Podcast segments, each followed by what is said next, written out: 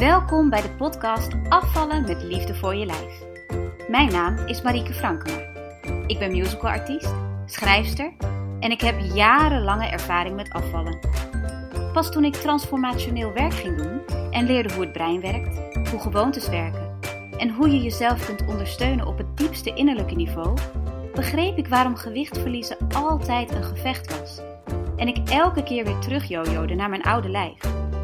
Nu is dat allemaal anders. Geen strijd, geen schuldgevoel en alleen maar een heerlijke flow en goede gezondheid met bijbehorend lichaam. Deze podcast gaat over afvallen vanuit kracht en liefde voor je lijf. Als je aan de binnenkant verandert, zal je buitenkant dat ook doen. Begin vandaag nog. Hallo, wat leuk dat je weer gekozen hebt voor het luisteren naar de podcast Afvallen met liefde voor je lijf. We gaan het vandaag ook hebben over keuzes, over hoe jij makkelijker keuzes kunt maken die jou dienen. En om meteen de statement van de dag te maken, 99% voor iets gaan is veel moeilijker dan voor de volle 100% ergens voor gaan. Als je de deur op een kiertje laat staan, dan laat je dus nog steeds ruimte voor dat wat je niet wilt. Als jij de deur niet helemaal sluit, dan hou je tocht. Als jij niet 100% de keuze maakt voor wat jij wil, dan blijf je in die staat van zal ik wel, zal ik niet. Laten we als voorbeeld eens nemen dat jij bijvoorbeeld uh, elke dag een gezonde maaltijd wil koken voor jezelf.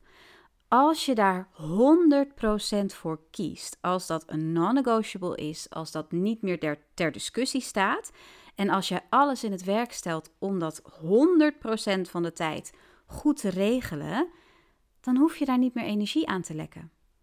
Het kan wel energie kosten om elke keer die maaltijd klaar te zetten, om elke keer iets te bedenken. Het kan energie kosten om ermee bezig te zijn, maar je lekt niet meer energie op. Zal ik vandaag wel? Zal ik vandaag niet? Wat kies ik vandaag eigenlijk? Wordt vandaag dan mijn uitzonderingsdag? En als je dan zogenaamd verkeerd hebt gekozen, dat je je dan schuldig voelt achteraf, of dat je denkt: oh, had ik maar. Dat soort dingen. En ook met snoepen is dat bijvoorbeeld een heel duidelijk ding. Als jij met jezelf afspreekt: ik snoep niet, dan is dat veel sterker dan, nou, ik, ik ga gewoon wat minder snoepen en ik ga gewoon proberen eraf te blijven. En weet je, dan is elke keer als je in de verleiding komt, heb je weer die wel eens niet eens met jezelf. Zal ik wel? Zal ik niet? Oh, het is zo verleidelijk. Nee, ik had gezegd dat ik het niet zou doen. Oh, maar het is zo lekker. En dan blijf je dus in zo'n cyclus van zal ik wel, zal ik niet, zal ik nu, zal ik morgen. En dat kost zoveel energie.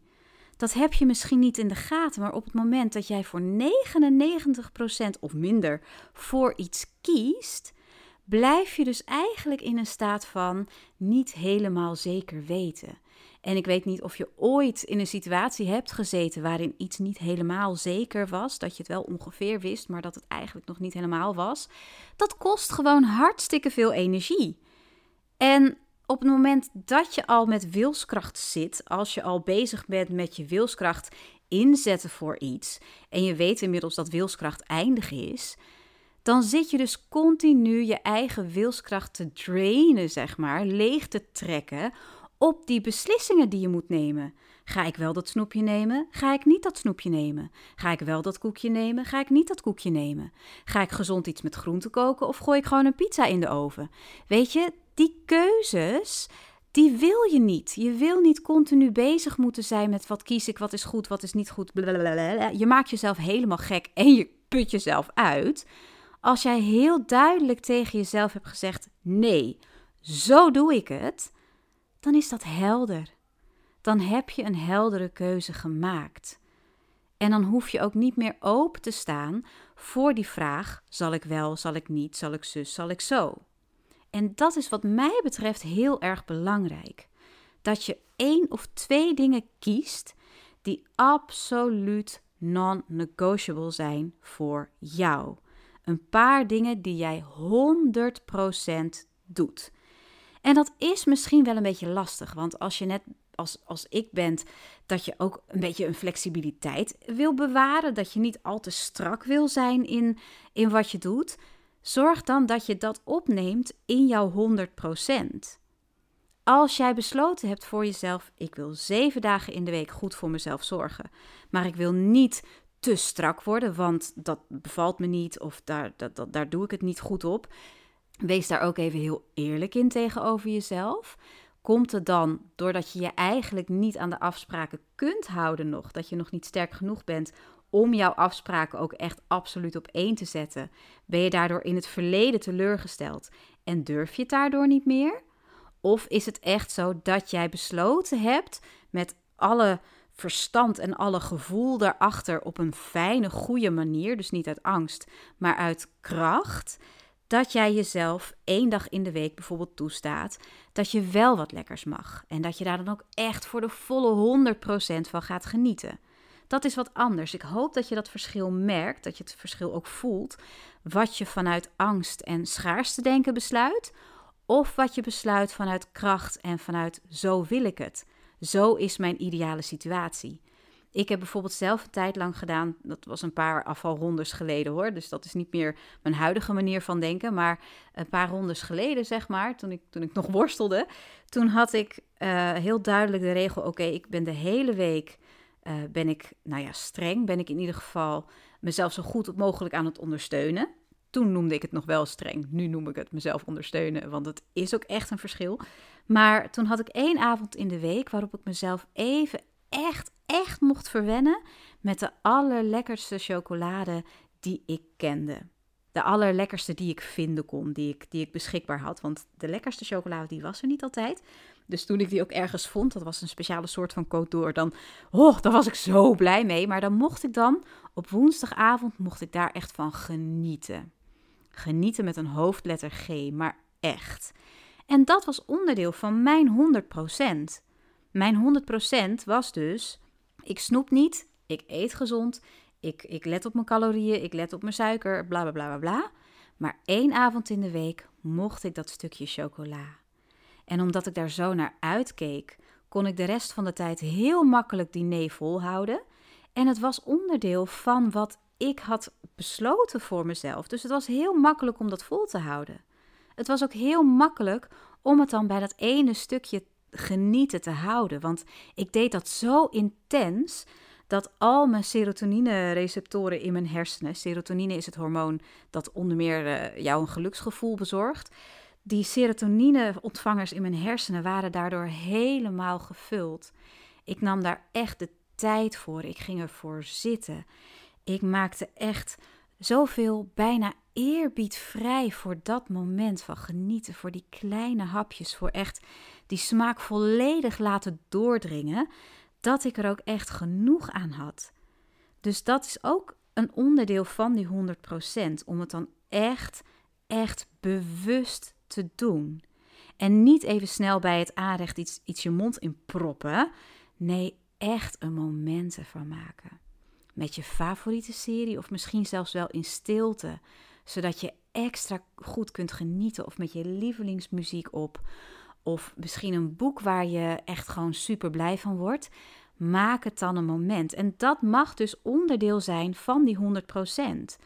Die 100% ziet eruit zoals jij hem hebben wil. Maar zoals jij het hebben wil, doe dat dan 100%. En ook dat kan moeilijk voor jezelf zijn. Want wij leven in een, in een wereld waarin het heel makkelijk is om alle afspraken met een ander te houden, maar jezelf te vergeten. Maar jezelf eigenlijk steeds in die prioriteitenlijst steeds meer naar achteren te schuiven, steeds meer achteraan te zetten, waardoor je niet meer gewend bent om die afspraken met jezelf ook echt te houden. Ik had het er al een beetje over zo net toen ik zei dat het soms moeilijk kan zijn geweest om die afspraak met jezelf te houden en dat je daardoor een beetje huiverig bent geworden, een beetje bang bent geworden dat je dat niet kan. Misschien is het bij jou inderdaad wel zo dat je die afspraak met jezelf, dat je die moet gaan trainen. Dat je moet gaan trainen dat jij dat kunt. Dat jij dus die afspraken houdt, dat je ze stelt en dat je ze dus ook uitvoert. Dat je niet zomaar zegt: Oh, het is maar gewoon mijn afspraak met mezelf. Ik ben toch niet belangrijk genoeg. Ik kan die afspraak wel laten zitten. Nee, train jezelf in dat ook die afspraken met jezelf echt belangrijk zijn. En wees daar dan ook slim in. En dat bedoel ik niet dat je tot nu toe een domme strategie hebt gevolgd of zo, maar misschien wel eentje die gebroken is. Want als jij niet gewend bent om de afspraken met jezelf echt te houden, en je gaat er meteen 50 met jezelf afspreken, of een hele, hele grote die telt als 50, dan zet je jezelf natuurlijk klaar om te falen. Laten we wel wezen. Als jij die spieren niet hebt getraind, die, die, die denkbeeldige spieren, om die afspraken met jezelf te houden, maar je verwacht wel meteen van jezelf dat je, nou ja, de marathon gaat lopen ermee, dat werkt niet, hè? Je mag het natuurlijk opbouwen. Dus wat ik zou doen als ik jou was en als, als dat concept van die afspraak met jezelf echt houden, als dat voor jou eentje is die pittig is, dan zou ik het volgende voorstellen. Denk eens na wat jou op dit moment het meeste zou opleveren. Dus is er iets wat je gaat loslaten? Of is er juist iets wat je jezelf wilt aanwennen? Wat de meeste resultaten voor jou met zich mee zou brengen. Dus dat kan zijn in de trant van snoepen. Dat kan zijn in de trant van ehm, op tijd naar bed gaan. Het kan zijn in de trant van sporten. Wat maar jou dient, wat maar goed is voor jou. Dat je dat gaat doen maar dat je dan de eerste kleine stap daarin gaat zetten. Ik denk dat ik dit al eerder heb gedeeld, maar misschien vertel ik het nu net anders, waardoor die wel bij je klikt.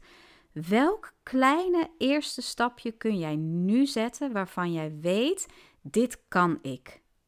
Dit moet succesvol kunnen zijn. Dit kan ik gewoon. En dat ga je doen. Voor de volle 100%. Dus niet meteen die marathon, niet meteen die 42 kilometer of hoe het ook is. Begin eens gewoon met een halve kilometer. Begin eens met dat eerste kleine ding wat het begin gaat zijn van jouw succes. Begin eens met dat je bijvoorbeeld om 4 uur s middags niet naar een koekje grijpt, maar naar iets gezonds. En wees daar dan ook echt streng in voor jezelf. Maak dat non-negotiable, daar ga je voor de volle 100% voor. Maar zorg ook dat je jezelf de kans geeft om dat te doen. Zorg dan ook dat je het in huis hebt. Zorg dan ook dat er om vier uur een herinnering gaat, of om kwart voor vier. Je gaat zo meteen een heerlijke bak met komkommer en, uh, nou, wat zullen we er eens van maken? Uh, als je wel echt, echt altijd trek hebt om een uur of vier, wat ik altijd heb, uh, zorg ik voor wat, wat gezonde dingen die wat groter zijn dan alleen een, een komkommertje waar voornamelijk vocht in zit. Dus uh, ik zou bijvoorbeeld zorgen voor komkommertjes met brie, bijvoorbeeld. Dat zou voor mij passen. Dan zorg ik dat ik om kwart voor vier een reminder zet in mijn telefoon. Ga dat maken en maak daar een momentje van. Dus ook weer niet tussen neus en lippen door gewoon even snel weg eten. Nee, maak daar dan ook echt een moment van. Doe er ook iets van drinken bij. Maak het echt even een momentje dat je echt even aandacht besteedt aan dat eten. Dus een reminder zetten, momentje ervan maken. Uh, ook zorgen dat, dat je vinger aan de pols houdt. Want ik zei dat je, dat je het een non-negotiable moet maken. Maar wees ook eerlijk tegen jezelf. Als het na twee weken bijvoorbeeld niet werkt, ga dan op zoek naar iets anders. Ik bedoel, het is niet gezegd dat als jij één keer iets in je hoofd hebt gehaald, dat dat voor de rest van, de, van je leven waar moet zijn. Ga op zoek, blijf eerlijk naar jezelf, blijf, blijf kijken wat werkt en wat niet. En ga ervoor. Maar echt. En als het misgaat, want laten we eerlijk wezen, als jij een spier aan het trainen bent, dan haal je het niet altijd. Dan is het niet zo dat hij meteen poef doet wat jij wil. Zou leuk zijn, maar waarschijnlijk val je wel een keertje om, val je een keertje van de wagen. Nou, heel simpel. Je klimt er weer op. Je hebt het misschien door een omstandigheid, misschien moest je wel ongesteld worden of zo, who knows. Ben je even van de wagen gevallen? Je weet dat je je best hebt gedaan. Je weet dat je ook deze non-negotiable gesteld hebt voor jezelf. Stel hem opnieuw. Achterhaal als het kan, zonder daarover in de stress te schieten, wat er nou misging. En maak jezelf klaar voor de volgende keer om het beter te doen. Als een kind dat leert lopen, bij de eerste keer vallen meteen dacht: laat maar, dat lopen is niks voor mij, dan zou het misgaan, toch? En als jouw kind wil leren lopen, dan vergeef je dat kind toch ook als die valt. Een eerste keer, een tweede keer, een tachtigste keer. Doe dat bij jezelf ook. Nieuw gedrag moet je jezelf aanleren. Dat gaat met herhaling. Dat gaat met vergeving. Dat gaat met doorzetten. En dat is die 100%. Dus niet meer openstaan voor zal ik wel, zal ik niet. Nee, je hebt besloten wat je doet en dat doe je. Je traint die spier daarin en je gaat ervoor. Voor die volle 100%. En als je dit moeilijk vindt, dat geeft niet. Je mag het moeilijk vinden. Hoe mooi is het als je dit dan redt? Hoe mooi is het als je uiteindelijk terug kunt kijken op de dag en kunt zeggen: Damn, dat heb ik toch maar eventjes gedaan. En dat is dus veel makkelijker als je er voor de volle 100% voor gaat, dan wanneer je 99, 95, 75% van alles wat je zou kunnen doen ook echt doet. Want dat kost je uiteindelijk veel meer energie, veel meer moeite. En het zet je dus ook klaar voor falen, waardoor je weer in die cyclus terechtkomt van dat het niet lukt. Dus gun het jezelf alsjeblieft om voor die volle 100% te gaan. Ik sta voor de volle 100% achter je. Ik zal je aanmoedigen vanaf de zijlijn. Ik zal je aanmoedigen met de podcast en met koffie met coaching en met wat ik maar kan voorzienen voor jou om je te helpen. Ik ben er als je coaching nodig hebt, één op één. Ik ben er als je in het groepsprogramma wil stappen. Ik ben er. Nu is het jouw beurt om er echt te zijn voor jezelf.